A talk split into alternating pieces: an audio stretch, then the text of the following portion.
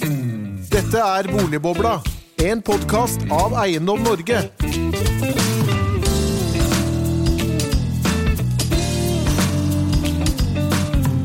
Hjertelig velkommen til en ny episode av Boligbobla. I dag om nye boliger i boligmarkedet. Ny selvvågssjef, Og siden det er sommer, så må vi ta en liten svipptur innom sjøhyttemarkedet.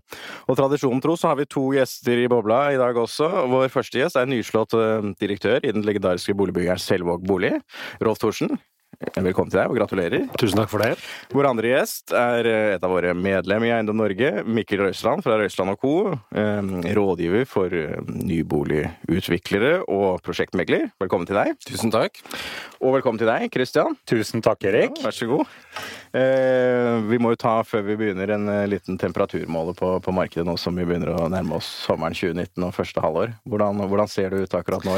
Ja, jeg, jeg har fått en del uh, skjeve kommentarer i forhold til at jeg har beskrevet boligmarkedet som kjedelig. Uh, og det, det, det, henger jo sammen med egentlig min kontakt med ganske mange journalister hver eneste måned hvor jeg kommenterer markedet. fordi at det å kommentere prisutviklingen i det norske boligmarkedet de siste åra har vært egentlig ganske kjedelig. Men kjedelig er godt nytt. Og trenden nå er at vi har den lengste sammenhengende moderate prisveksten eh, i boligmarkedet på eh, egentlig siden vi startet disse målingene. Vi er eh, så vidt over nullvekst nå i over et år sammenhengende, og vi forventer også at den trenden vil fortsette i månedene som kommer. Men det som ikke er kjedelig, det er at aktivitetsnivået er jo på rekordnivåer, og det har vært gjennom hele Aldri blitt solgt så mange boliger i mai, var det sånn? Det er riktig, og, det er riktig, og høsten 2018 var et veldig høyt aktivitetsnivå, og første halvår 2019 fortsetter i samme trend. og Det er volumer både på lagt ut boliger i markedet i bruktmarkedet og antall boliger solgt eh, på rekordhøye nivåer. Eh, så det store tilbudet møtes med samtidighet av svært kjøpesterke og handlingsvillige kjøpere. Hvorfor er det så høyt nivå da, på volumet? Ja, Det er jo, det er jo eh, selvfølgelig en sammensatt forklaring. Eh, en av forklaringene, og det kommer vi helt sikkert inn på i dag, det er jo at eh, vi har hatt veldig høy byggeaktivitet for noen år tilbake i nybyggmarkedet. Dette, dette skaper jo også volum inn i bruktmarkedet over tid. Mange av disse kjøperne skal jo også ha noe å selge, og mange av disse nye prosjektene som ferdigstilles skal også ha noe å Mange av disse boligene kommer også ut i bruktmarkedet ganske raskt. Og så, og så må vi huske på at vi blir flere. Mm. Selv om folkeveksten har gått ned, så har vi over eh, de siste eh, tiårene hatt en ganske betydelig folkevekst i Norge. Og når, vi blir flere, og kjøpekraften er sterk, arbeidsmarkedet er solid, så er det mange som kan handle. Det er veldig godt nytt. Eh, Mikkel, du, du, har jo siden 2010 samlet data fra nyboligmarkedet her i Oslo og Akershus. Og du har nå ferskt i går kveld var det sånn? Ja, til langt på natt, vil jeg nesten si. langt på natt. Sittet og telt til øyet ble vått og tørt. Hva, hva, er det du har eh, Hvordan ser markedet ut i nyboligmarkedet? Uh, markedet er, eh, er velfungerende. Uh, det er det. det er, uh, volumene er litt på vei opp, både fra et rekordlavt nivå for et år siden. så er det nå på vei opp igjen i forhold til både nye boliger ute i markedet og salgsavgang.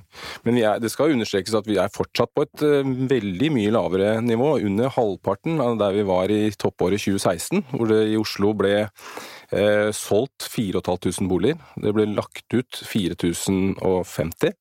Eh, så det ble solgt mer enn det ble lagt ut. Alt ble solgt. Mm. Eh, det som vi, og vel så det.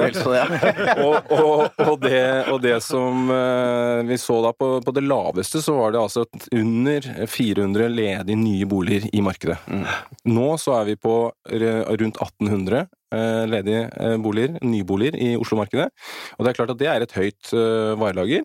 Men, men, det som var positivt med de tallene som vi har talt opp nå, da, for, for første halvår, det er at, eh, at 60% av det som ble solgt nå første halvår av nyboliger i Oslo, eh, er fra det gamle varelageret. Mm. Altså ikke de nysalgsstartene som har vært nå dette halvåret. Så, så, det forteller også at det fungerer bra. Eh, grunnen til at det er sånn, tror vi eh, skyldes at de som eh, ble lagt ut i 2018 eller tidligere, de er priset for, noen år tilbake. Det er gamle priser. Ja. Det er gamle priser, ja. Altså, det tror jeg nok flere nå har fått opp øynene for.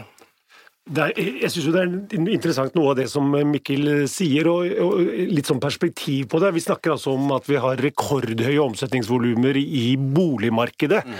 Og så har vi egentlig rekordlave omsetninger i, i, i nyboligmarkedet. Mm. Og det sier jo litt om hvor lite nybolig egentlig betyr i det totale markedet.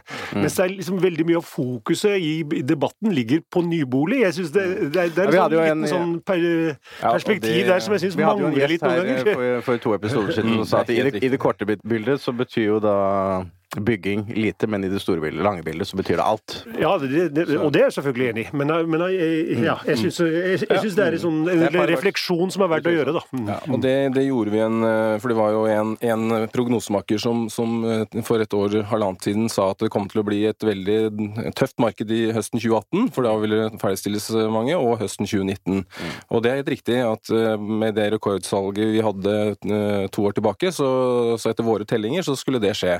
Høsten høsten 2018 tok uh, unna det som måtte komme ut igjen som resalg, som vi kaller det, på ferdigstillelsestidspunktet, uten problemer i det hele tatt. Og det var ikke noe høyt nivå på det. Uh, og så, så kom vi nå til 2019, som, hvor vi reg har regnet oss frem til da, at det kanskje kommer ut en 700 uh, eh, ferdigstilte nye boliger i markedet. Og hvor mange bruktboliger selges på et halvår i Oslo? Det er vel rundt 9000 eller sånt nå. Så det utgjør liksom ikke så stor del av markedet. Men, men, men likevel, likevel, da, Mikkel, så tenker jeg at uh, den uh, voldsomme økningen i bruktboligmarkedet på tilbudssiden, uh, det har jo også en sammenheng med det høye ferdigstillelsesnivået vi har hatt må, over tid. Ja, det, må det, det må det ha. For jeg har ikke noen forklaring på hvorfor jeg ante enn blant annet det med at det er ferdigstilt med mye, mye boliger. Og det skaper en en, turnaround på, på, i markedet. Og, og, og, da er jo eh, det som på en måte er en styrke for boligmarkedet da, at man, man tåler da den økningen i tilbudssiden. Mm. Det, at, at, det blir møtt med en ganske solid kjøpekraft der ute. For det er jo det som da er forklaringen. at ikke, For normalt sett med den tilbudsøkningen vi har hatt i bruktboligmarkedet nå, så skal prisen ned. Mm. Jo, det, det, er jo det som eh, Analytikerne snakker om det hele tiden. Nå kommer det, så, nå kommer en flom av nybolig ut i markedet, og prisen skal ned, prisen skal ned. Men det skjer jo ikke! Det er jo ikke det. altså Gang etter gang etter gang så bom, bommes det jo på dette. Mm. Og jeg, jeg, jeg syns iallfall det er en, en, refleksjon som er verdt å gjøre seg. Da. At, eh, kanskje vi legger for stor vekt, eller analytikeren legger sto, for stor vekt på, på nyboligmarkedet. Ja, ja. At det er et, eh, hvorfor er det et rekordhøyt volum? Ja, ok, det har vært, eh, det har vært befolkningsvekst. Av, kraftig avtagende nå, ja. men fortsatt så stiger prisene. Men, men vi, skal, vi, skal, komme litt tilbake til de tallene dine, Mikkel. Men jeg har lyst til å spørre deg, Rolf, i forhold til det, Selvåg er jo en aktør i flere av de andre store byene. Mm.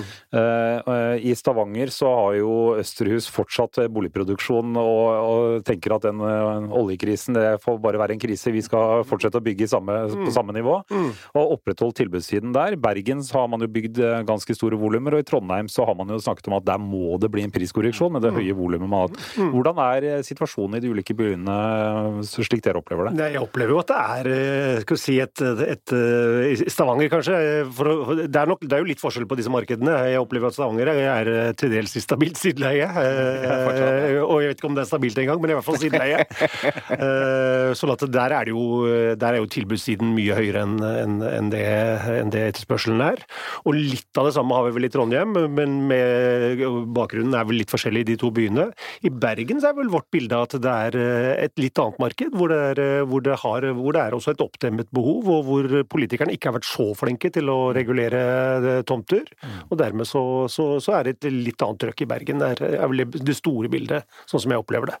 Er dere, er dere, på jakt etter Det er dere jo selvfølgelig, men, men eh, hvordan, hvordan, er strategien i de ulike byene i forhold til eh, å investere i nye tomtearealer osv. i eh, for tiden? Er, det, er, Stavanger såpass sideleie og ikke stabilt sideleie at dere fremdeles holder dere litt unna, eller? Nei da, vi er, vi, altså generelt sett så er vi jo interessert. Vi er jo en langsiktig aktør og, og må fylle på tomtebanken vår liksom generelt hele tiden. Og så er det klart, når det lite, går litt ut av den banken, så trenger vi jo ikke å sette så mye inn. Men, eh, men, generelt sett så er vi i markedet hele tiden og følger med hele tiden og, og leter etter muligheter hele tiden. Mm. Men hva med, hva med, hva med prisnivået i eh, nyboligmarkedet nå, Mikkel? Eh, Du har noe tall på det òg? Ja, det, det har vi jo når vi samler priser. Vi samler jo priser på alt som legges ut av nye boliger. Eh, I leilighetsprosjekter med mer enn ti enheter. Altså Eplehaveprosjekter med under altså ni eller færre, de tar jo bare en sånn stikkprøve på innimellom og utgjør kanskje bare en 150 i året. Så det er ikke i Oslo. Og jeg snakker hele tiden nå i, i Oslo-markedet, og så skal jeg si ifra når jeg begynner å snakke om eh, utenfor Oslo, i Akershus. så slipper jeg å gjenta det så mange ganger. Eh, Men eh, du kan si at det, gjennomsnittsprisen for eh, en ny bolig i Oslo eh, er ikke høyere enn 86 000 kroner meteren, hvis du samler alt i en pott. Men det er klart det er store geografiske forskjeller.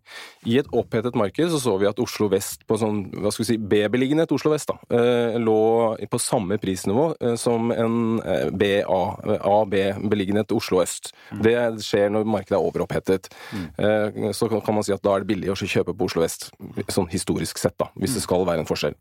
Eh, Mens vi ser nå, eh, nå er det blitt lagt ut noen eh, prosjekter Oslo vest, og nå ser vi en større prisdifferensiering. eh, Ganske kraftig også, faktisk. Så en, og jeg vil også si en, en, en ganske god eller høy prisstigning på nybygg Oslo vest. Opp fra sånn ja, i underkant av 100 til nå å ligge på en mell... Altså på, vi har jo eksempler da, som er ganske ekstreme, på 144 000 kroner på ett salgstrinn på Middeltunet, som Veidekke Obos har lagt ut. Men eh, jeg vil si at Oslo vest nå ligger kanskje på et snitt på 115. 100, mellom 115 og kanskje opp mot 120. Og vi ser også snittpriser på salgstrinn på 30-40 enheter på opp mot eh, 150 snart.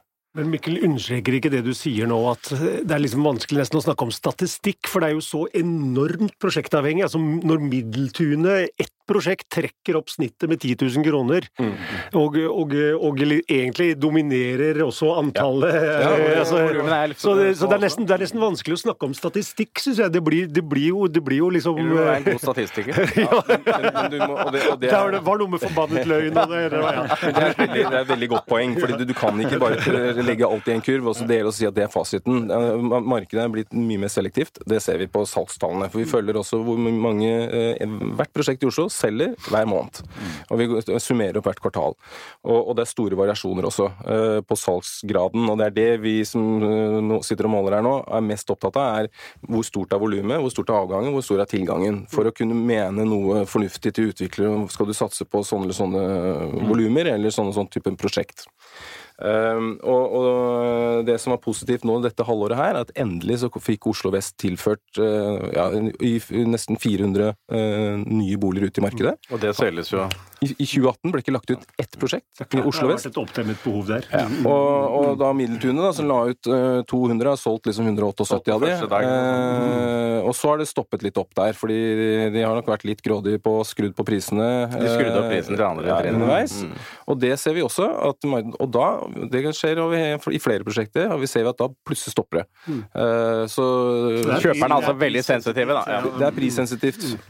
Man kan jo forstå når de selger ut 90 av prosjektet at de velger å, å skru opp eh, med tanke på byggetiden det, som det tar for å ferdigstille. Så, så har de jo tid til å vente på kjøperne. For å si det sånn, Det er hyggelig at de får én premie for å ha drevet og slåss med kommunen i sju år. Ja, ja har fått en premie totalt. Men hvor- hvordan ser- hvordan er ser- Hvordan ser prisbildet ut ellers i Akershus? Eh, I Akershus så, så har vi tatt ut eh, på forskjellige delområder. eh, og, og da har vi eh, ut av Oslo nordover, så har vi Strømmen, eller Lørenskog først, og så har vi Lillestrøm-Strømmen.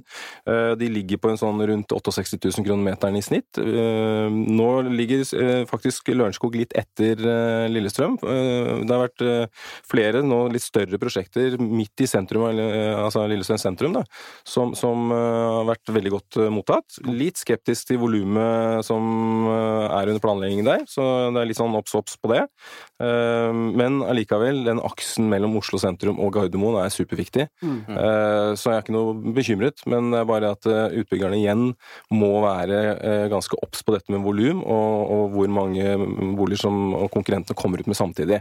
For Og de- der de er det kan- også veldig forskjell på de små eller mikromarkedene, i hvert fall min følelse. Da. Hvis du kommer opp på Jessheim, så er vel tilbudet enormt, Det egentlig. er også, veldig stort. Også, Og det er det litt nærmere Oslo, så er det ikke så stort tilbud, og dermed også høyere priser. Ja. Og så Og, det er vel ikke bare, det har vel ikke bare sammenheng med tilbudet, det er vel også hvor, hvilke områder som er attraktive. Ja. Så, så, og det, det, går jo på igjen da, hvilke ordførere eller hvilke kommuner som er uh, kine på å få uh, ja, Ullensaker kommune ville altså ha Store Blå godkjent over SMS. Ja. det, er et, det, er jo noe som utviklere liker å høre, for stakkars, de sliter jo Det er ikke sikkert det er så veldig demokratisk. Så, men, men, men, det kan jo også være en, et tema her i forhold til hva er som driver prisene. Og, og det er klart at det er hvor mye boliger som slippes igjennom. og Én ting er hva de regulerer, men så kommer jo rekkefølgebestemmelsen kommunen setter. Mm. Eh, så du kan godt regulere sånn som i ja, Asker, da, altså, eller Bærum. Eh, men det, det, du kan ja, regulere flere tusen, men du får bare lov til å bygge 400-500 i året. Mm. Og det kan være riktig for så vidt for et sunt marked, men, men allikevel, det legges mange begrensninger her. Mm. Men hva, hva, tenker du om prisene? Har vi, har vi mer å gå på her, eller er liksom taket nådd? Jeg tror det igjen eh, kommer til å bli mye større prisdifferensiering. Eh, vi kommer nå til å se prosjekter som ikke kommer til å fly. Altså som rett og slett eh, Det er for mange tilsvarende boliger i samme område, og de må ha en pris på et visst nivå for å kunne gjennomføre prosjektet. Så der vil man kunne se prisnedgang. Mens andre steder, sånn som vi nå har sett på Oslo vest, og på attraktive sentrumsbeliggenheter, så vil du se priser opp i ja, nå snakker jeg snitt i et prosjekt prosjekt, da, men enhets kvadratmeterpriser er jo nå over 200 000 eh, på bra, bra lerreter. Og det er jo helt sinnssykt. Ja. Hvis du bare ser et, noen få år tilbake, så er jo liksom, var det 100 000 den grensa. Nå er liksom 200 000 uh, passert på flere steder. Ja. Det, det, er jo helt uh, men, men, Så grensen er jo ikke nådd. Det er jo helt åpenbart at grensen mm. ikke er nådd. Vi hører en del kommentarer fra utbyggermarkedet nå at uh, byggekostnadene er i ferd med å dra av gårde. Mm. hva er din erfaring der, Rolf? Selvåg bolig har vel, har vel, tradisjonelt sett ligget lavt på byggekost. Har vært veldig flinke til å, til å si, holde kostnaden nede. Ved, sikkert ved standardisering og også med hvordan man jobber med entreprenørmarkedet. Men vi har også merket et press oppover nå. Ja. Etter at det ligget, ligget eh, skal vi si, pal under 35 000 per kvadratmeter, så, så bikker vi nok det, det nå flere steder. Ja, for jeg har hørt at vi nå er i ferd med å runde 40 hva, hva? Eh, ja, og jeg jobber jo for flere utbyggere spredt rundt om og får liksom signalene herfra her og der, uten at jeg ser inn i bøkene deres. Men, men eh, nå er det så mange som har nevnt det samme nivået, så nå tror jeg faktisk at det stemmer. Mm. Og, og, det de sier, er at uh, nå får de en anbud på ja, mellom 40 og 43 000 kroner meteren. Mm. Hvis du skal kjipe ordentlig ned på standarden, så kan du kanskje få det ned i 38 mm. um, Mens hvis du skal ha et ordentlig, uh, ordentlig standardprosjekt, så er det over 50 000 kroner meteren på kanskje en 50 leiligheter, eh, betongbygg med garasje. Mm. Og hvis du da vet hvor høy og mørke grunneiere har vært de siste par årene, og så legger du på risikoen og med å sitte og slåss med kommunen i tre-fire-fem år, osv., osv., så, videre, så er du, du er ikke et prosjekt under 85 000 i Oslo uansett uh, si god dårlig, eller hvor dårlig beliggenheten er, da. Mm. Uh, snart. Så, jeg har bare lyst til å ta tak i noe av det som Mikkel sier. Du bruker begrepet at hvis du legger på litt standard, på en måte, eller du kjiper ned og lager en kjipt jeg, Min erfaring er at det er egentlig ikke det det handler om. Altså, Den standarden som folk vil ha, den, den, den koster ikke så sinnssykt mye. Er liksom, der er det snakk om hundrelapper og kanskje en tusenlapp. Mm. Men det er jo hvordan du legger opp byggeprosessen din som virkelig drar til i forhold til, til kostnadene. Altså når, når, vi snakker om 43 000 kontra 35 000, mm. så er ikke det standard som er forskjellen der. Det er, det er og Ja, det er planlegging og god gjennomføring og, og, og standardisere på riktig måte og hele den greia der. Jeg, jeg tror dette ikke i stor grad handler om standard. Det er, det, min erfaring er at det, det, er hundrelapper og ikke tusenlapper. Og det er det som er litt morsomt nå. Skal vi ikke vi legge, stikke under stol at Rolf og jeg vi har jobbet sammen. Jeg har vært så heldig å få lov til å jobbe med Bjørvika og, og, og Rolf. Og, og, du har jo vært en representant for, for en utvikler som har uh, virkelig vært på prosess. Og, vi har kunnet uh, få gjennomslag og gehør for hva markedet ønsker seg. Mm. Og vi har kjørt veldig høy standard og kvalitet. Mm. Men, og men, synkende byggekostnader. Og, det, har vi også klart å få til. Ja. Ja. Vi har klart å ta ned byggekostnader. Det, dette er på skrytelisten på CV-en. Nå fikk du i Nå fikk du klapp, og så skal du få et slag etterpå. Fordi det er, du må ikke ha for mye smisking. Eh, men, men det, som, det, som, er min frustrasjon, da, det er faktisk hvordan den norske entreprenørstanden er, er organisert. For jeg, jeg, jeg, eh, opplever altså så mye dårlig gjennomføring, som du sier, eh, på, på hvordan man skal ha kontroll på prosessen. og hvor de glipper en. da. Fordi at det er dessverre sånn at eh, den kommersielle direktøren hos en eh, entreprenør eh, kan sitte og snakke om at selvfølgelig skal vi gi dere en Mercedes her, Mm. men så går han hjem til sine og, plukker ut en prosjektleder, og hva blir han målt på? Jo, han blir målt på lavest mulig kostnad i forhold til det anbudet de måtte gi for å få oppdraget. Mm. Og så kommuniserer ikke de to lenger, og så opplever vi som da skal selge dette, at eh, det er noe helt annet som kommer opp av eh, leveransebeskrivelsen, eh, og da er det for seint å gjøre noe med det. Og, og, og da er det veldig avhengig om det er en god eller dårlig prosjektleder som, som tar ansvar, da, for å si det sånn. Og der glipper det veldig ofte. Og bare for å sagt, Dette er jeg helt enig i. Og så tror jeg ikke det bare handler om en god eller en dårlig prosjektleder, men jeg tror det handler om en god og dårlig byggherre først og fremst, faktisk. For eh, noe av problemet er jo at entreprenørene slipper unna med dette. Eh, og, og det er klart Den enkleste måten for en entreprenør å ta ned kostnaden på, er å kjipe på, på standard. Eh, den vanskelige måten er jo faktisk å reelt sett få ned byggekostnadene, og jobbe med produktivitet, med standardisering, med digitalisering osv. Det, er en- det er en vanskelig oppgave, og det er det bare de aller beste som klarer.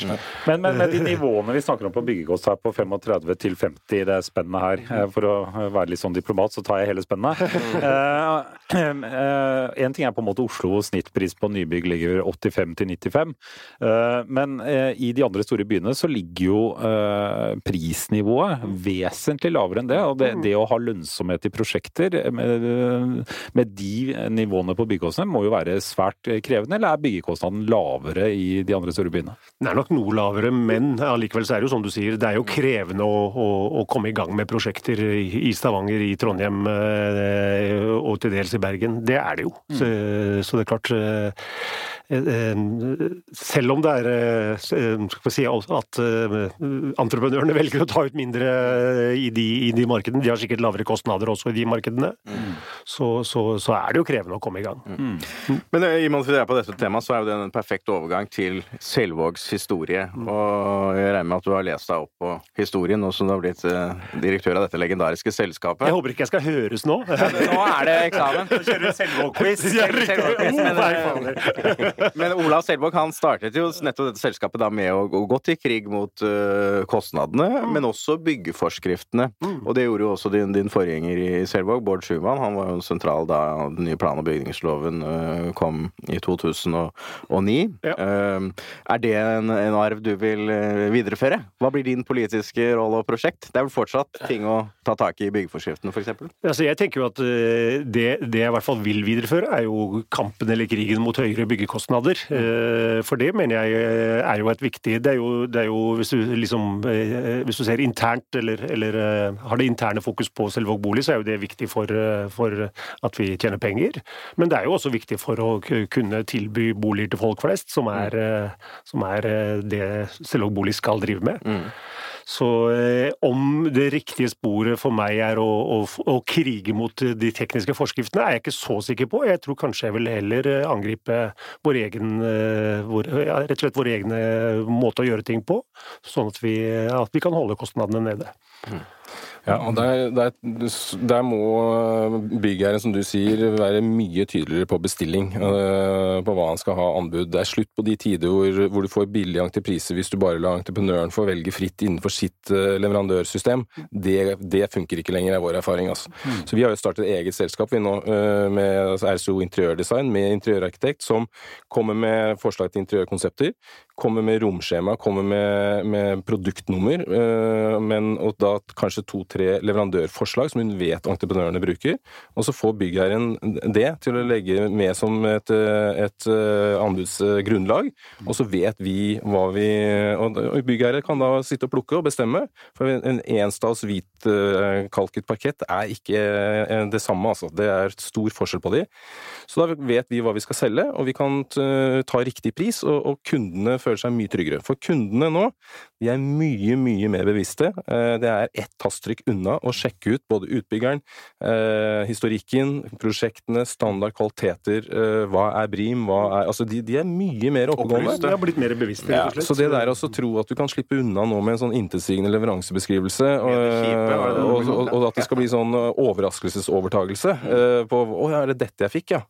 Den, det, det lever jo ikke veldig mange prosjekter på. Her er altså. vel tilsynet, altså Forbrukertilsynet, vært ganske strikte på de som har jukset med Eh, Jeg opplever og hører det samme fra over, våre overtagelser. Eh, Kundene er veldig bevisste, og de er veldig kritiske. Eh, De krabber rundt og sjekker parketten. De er oppe i hjørnene og ser på, på alle lister. De Det er jo godt tegn, da, ja, og, og, og egentlig så er det jo veldig positivt. Det er klart, Til mer skal vi kalle det profesjonelle eller bevisste kunder vi får, til mer må vi skjerpe oss. Til mer er plass som en sånn, for en sånn aktør som Selvåg Bolig, som er en kvalitetsleverandør. For å holde litt tak i dette, den historiske rollen til Selvåg, så har jo eh, noe som jeg alltid tenker på, et av de første ordene som faller inn i mitt hode i forhold til Selvågs historie, er jo samfunnsansvar. Man har tatt et samfunnsansvar. Ja. Den store debatten i eh, En av de store debattene i boligpolitikken i dag er jo ulikhet. eh, Der man ser på type, typisk førstegangskjøperen og eh, evne til å komme inn, eller manglende evne til å komme inn, med de strenge kredittreguleringene som nå ligger til grunn.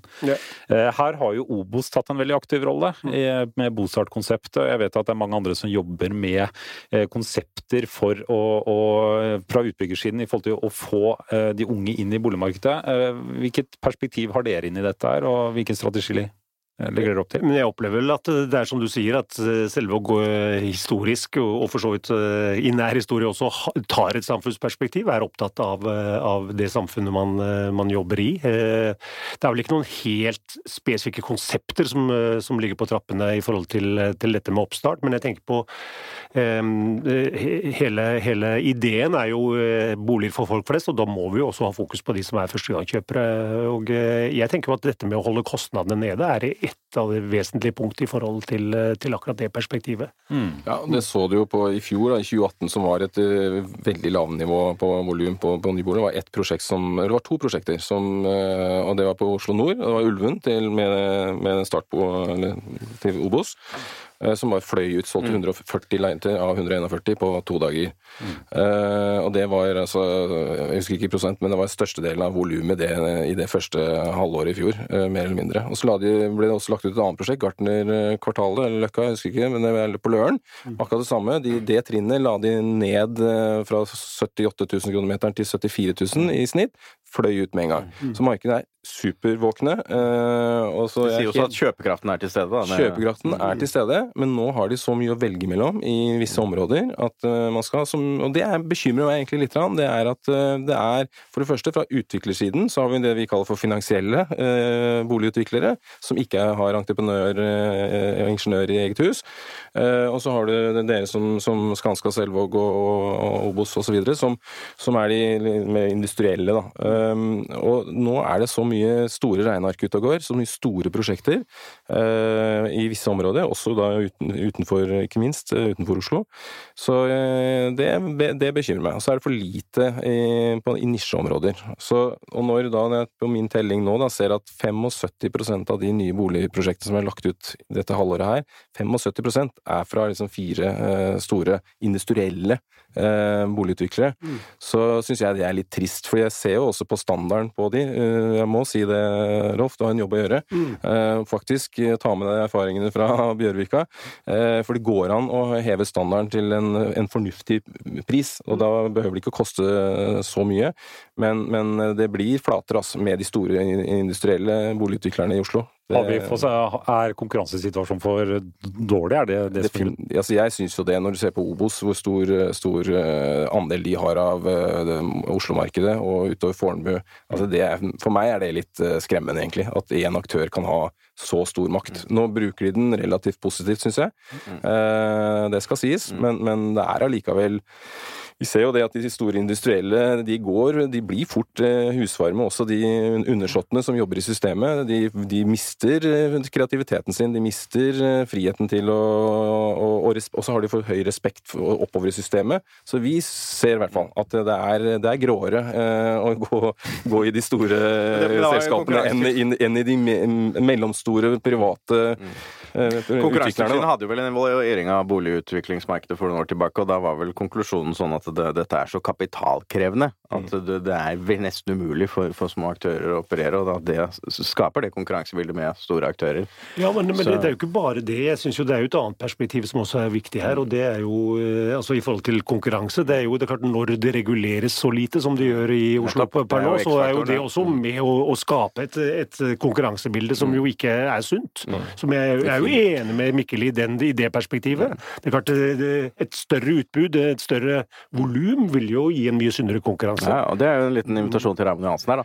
Så skal du løpe ned i hans kontor nå, da, og nye plan- og Jeg, skal i hvert fall, jeg, altså jeg mener Det er jo et veldig viktig signal eh, fra bransjen og til politikerne at eh, hvis de virkelig mener alvor med alt det de sier om at prisene må ned og, og, og eh, alt det som sies rundt dette, så, så, så er jo det å faktisk bidra til at det er mulig å holde et eh, tilbud oppe, det er jo, eh, det, det er jo helt eh, essensielt. Hva tenker Så- du om eh, Oslo kommune og også enkelte andre kommuner har gjort før de, nemlig å ta en mer aktiv rolle som også boligutvikler i, i kommunen? Altså, jeg, du, jeg antar at du sikter til denne Tredje boligsektor. tredje boligsektor, ja. Det er helt krise, Ja, altså, spør du for, ja, for det, altså, det det jeg syns er positivt, for å ta det først, da, det er jo at, at, man, at man er opptatt av boligmarkedet. Og så får jeg jo litt følelsen at det blir bitte litt grann spill for galleriet. Eh, og det er flere grunner til det. Volumet er veldig lite. Eh, historien viser at når eh, det offentlige prøver seg i den rollen der, så blir det katastrofe. Og det er jo ikke det som er problemet. Det er jo ikke det de angriper som er problemet. Problemet er jo at de, de klarer ikke å bidra til at utbudet blir, eller tilbudet blir stort nok. Mm. -hmm. ja, og det- hvor- hvorfor er det- Markedet er i stand til å regulere dette selv. Men hvorfor er hvis du bare altså tillater markedet å gjøre det. Men hvorfor er reguleringstakten her i Oslo nå, altså etter 800 i fjor, fortsatt på så vanvittig lavt nivå? Altså, Ja, jeg, jeg vet ikke. har dere mange prosjekter på vent som sitter eh, Vi, Som gikk på å vente på behandling? vi, vi, vi jobber med flere prosjekter. Mm. Jeg må innrømme at jeg har ikke, etter noen, bare noen få uker i stolen, så har jeg ikke helt detaljkunnskap på akkurat det der. Så, eh, men, eh, men jeg vet jo at vi generelt sett eh, sliter med, med behandlingstid. Det er, det er, enten så er det politisk, altså, og der har vi jo sett en, etter at eh, De Grønne og Markussen kom inn, så har det jo nesten blitt sånn beslutningsvegring, er mitt inntrykk. Nå sitter ikke jeg i, i, i det leddet direkte mot dem, men jeg sitter i Stensrud kom jo sånn, da. Hva? Gjersrud Stensrud kom jo fort, da. jo, men, men, er jo men det er jo blant annet sånn som eh, et prosjekt oppe ved Eterfabrikken på, på Bøler, ikke sant? hvor Plan og Bygg eh, og utbyggerne har holdt på i fire år og var enige eh, om et prosjekt eh, etter mye mm, dragkamp. Eh, og så går det over til eh, rådhuset, og så får de altså nei. Eh, De må halvere prosjektet. Og grunnen til det var at det er en fugletitter som mener at eh, det, det er ikke bra for, eh, for fuglelivet rundt Ensjø Nei, Østensjøvannet. Og da snur altså De Grønne, og så, får, så sender de bare planen tilbake. Og det- Men det, det blir ikke boligbygging av det i Oslo, altså. Nei, Så det er en liten invitasjon til den nye etatsdirektøren der, da. Det er, eh, det er bare å steppe opp, mm. rett og slett. eh, Og, og ha, ha Og det, og det er mange gode eksempler rundt om i Kommune-Norge hvor eh, du har en helt annen offensivitet. Mm. Stavanger er nevnt, Kristiansand er nevnt. Jeg syns jo både Trondheim... og, kommunene rundt Oslo også. ja, ja, ikke minst. Så, så det er mange eksempler og, til etterfølgelse der ute. så, Men eh, Ja, så det er eh, nå, Ja, men vi hopper Ja. videre. Nei, men det er bra. Eh, Vi, vi må begynne å gå for, for landing. Og, Ikke helt landing, da. Helt landing. Nei, vi må jo snakke litt om Vi må snakke.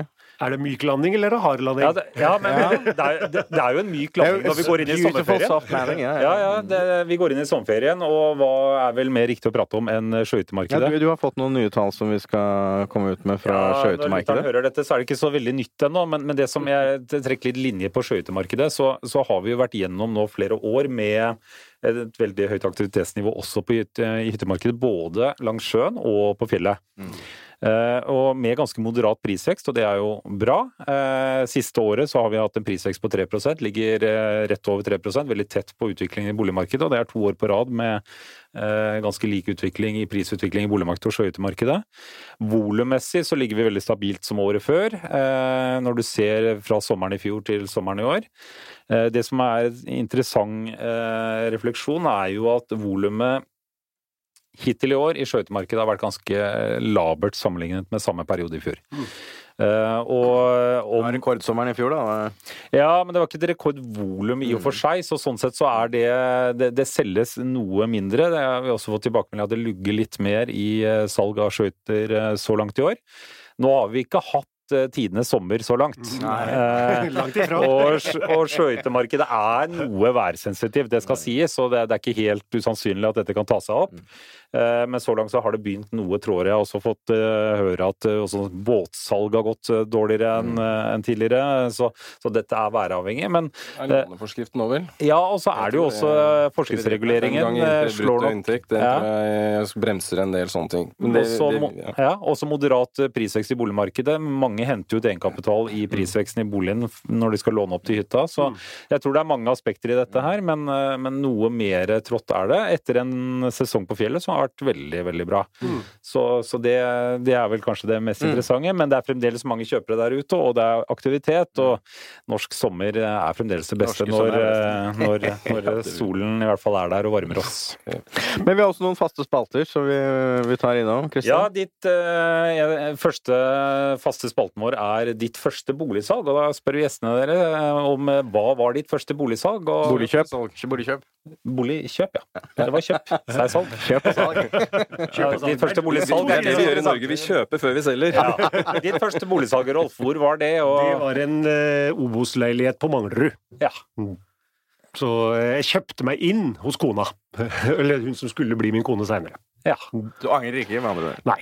Og da tok du regningen uh, i trans... Nei, du kjøpte jo av kona, og det- så da gjorde du ikke det? Jeg kjøpte egentlig av hennes foreldre, faktisk. Ja. Er ja. Kjøpte en, Ja, for i gamle dager i Obos, jeg sier gamle dager, ja, men det var på 90-tallet også, eh, så var, så var det jo kjøperen som betalte meglerkostnadene. Mm. Det, Det var lovbestemt, til og med. Ja, Så når var dette her, da? Det var i mm, ja, rundt 1985, tenker jeg. Ja. Så etter dereguleringen, da? Ja. Akkurat etter. Men det var under 100 000 i kjøpsum, da? Vil Ja. ja. Du du hadde fått en kvadratmeter i dag? Ja, riktig. Boltra meg på en kvadratmeter. Mikkel? Du, det første kjøpet mitt det var en eh, 50 kvadratmeters leilighet på Frogner, i Ekersbergs gate. Eh, Det var akkurat Det var i 87-86, eh, når jeg pensjonerte meg som tømrer. Jeg hadde kort karriere som tømrer og tømmermester, og så begynte jeg som eiendomsmegler. Og da kjøpte jeg en eh, toroms med do på gangen. Og så brukte jeg første året på å snekre den selv til en eh, bra leilighet. Og den kjøpte jeg for 183 000, leiligheten. Um, 86, så da 87 var krakket? ja, og så solgte jeg den uh, en måned før krakket uh, for 785. Wow. Jeg skjønner, jeg skjønner, jeg skjønner, jeg skjønner at du ble megler. Men det er det som er Det er fine kombinasjonen håndverk og salg. Men ikke hvis du da sier at du gikk i leiemarkedet i 78 og gikk inn igjen i 93. Da, det er da jeg virkelig ble imponert. Ja, nei, det gjorde jeg ikke. Jeg, jeg, men jeg, jeg var så heldig at jeg solgte i, i mai, og gjennom sommeren så kom det krakket. Eh, så begynte jeg å gå på visning i august, og da kjøpte jeg av et stakk jeg synes så synd på det en dag i dag. De hadde kjøpt en halvpart av tomannsbolig på Montebello for 1,5, og så kjøpte jeg den for 1,1. Og, og det var bare på, i løpet av Men jeg, når jeg måtte selge igjen eh, i 93 og skulle videre, så solgte jeg den for 970. Ja, oi, ja. Så vi Det er andre tider. så bare merk dere det, at markedet var på 1,5, og etter noen år så var vi nede på 9,70. Det er Så det, det har skjedd én gang i historien, i hvert fall. Men, men dette understreker jo noe som du sa innledningsvis, Christian. Vi er i et kjedelig marked, og kjedelig er egentlig bra for, for boligkjøper. Mm. Det, boligmarkedet er jo rart. Når du får de, altså det er egentlig oljemarkedet og boligmarkedet hvor det, du, hvor det enten er full gass eller full brems. Ja, det er jo, og det er rart at vi har et boligmarked som, som på en måte ja, Vi skal er sånn. glad det er sånn som det er nå. Ja, jeg syns det. Det er vi enig i. Ja, vi er på bobler, og i dag så har vi ikke vært helt enige om hvem vi skal gi bobler til. Eh, Jeg var jo litt sånn oh, ja, nei, Jeg ønsket å gi den til Trygve Slagsvold Vedum, som hadde den rareste uttalelsen i boligpolitikken som jeg har sett på år og dag, at han ønsker ikke å bygge flere boliger. Vi kan jo gi flere bobler. Det... Nei, nei, altså- nei, ja, nei, men det, det å si at du ikke ønsker å legge til rette for boligbygging i Norge, for det bidrar til at enda flere, flere skal flytte til Nei, i Oslo, for enda flere skal flytte til Oslo, det er jo en sånn misforstått uh, måte å se på boligpolitikk Poenget var vel at han ikke ville bygge dette gigantsykehuset, så hele bygge Og det på NRK, eh, toppen. så Så, det, det, det syns jeg fortjente en ganske sur og negativ boble. bra, bra kandidat, ja. Jeg har jo også en annen kandidat, og det, det er jo Kommune-Norge, som kommer jo tall her fra SSB, som nå skriver ut enda mer eiendomsskatt, og ikke bare på verk og bruk, og bolig og fritidsbolig. Eh, Så nå venter vi jo Det er jo doblet eh, innkreving av eiendomsskatt siste tiåret, så vi venter nå i spenning med hvordan dette vil fortsette i 2019, og som da Siv Jensen har bestemt at kommunene skal må skru ned satsen, promillesatsen, fra Så det var en sur, sur boble fra deg òg. Sur boble fra deg. Altså, vi ikke Vi aksepterer jo at det må være et visst skattenivå på, på, på bolig, men vi, vi vil jo ha en skattereform, så vi blir kvitt denne eiendomsskatten også. Bra. Så da går vi inn for landing, både denne episoden, men også podkastens uh, tar en liten sommerferie. Så er vi tilbake i august. Jeg vet ikke om vi skal avsløre hva vi skal komme med da, men vi, vi har jo fått uh, noen tusen lyttere her i løpet av dette halvåret. Så vi, takk for nå. Takk til gjestene. Eh, takk for oss. Og riktig god sommer til alle lyttere. Og vi er tilbake i august. Og riktig god sommer fra oss også. Takk for at du kan komme.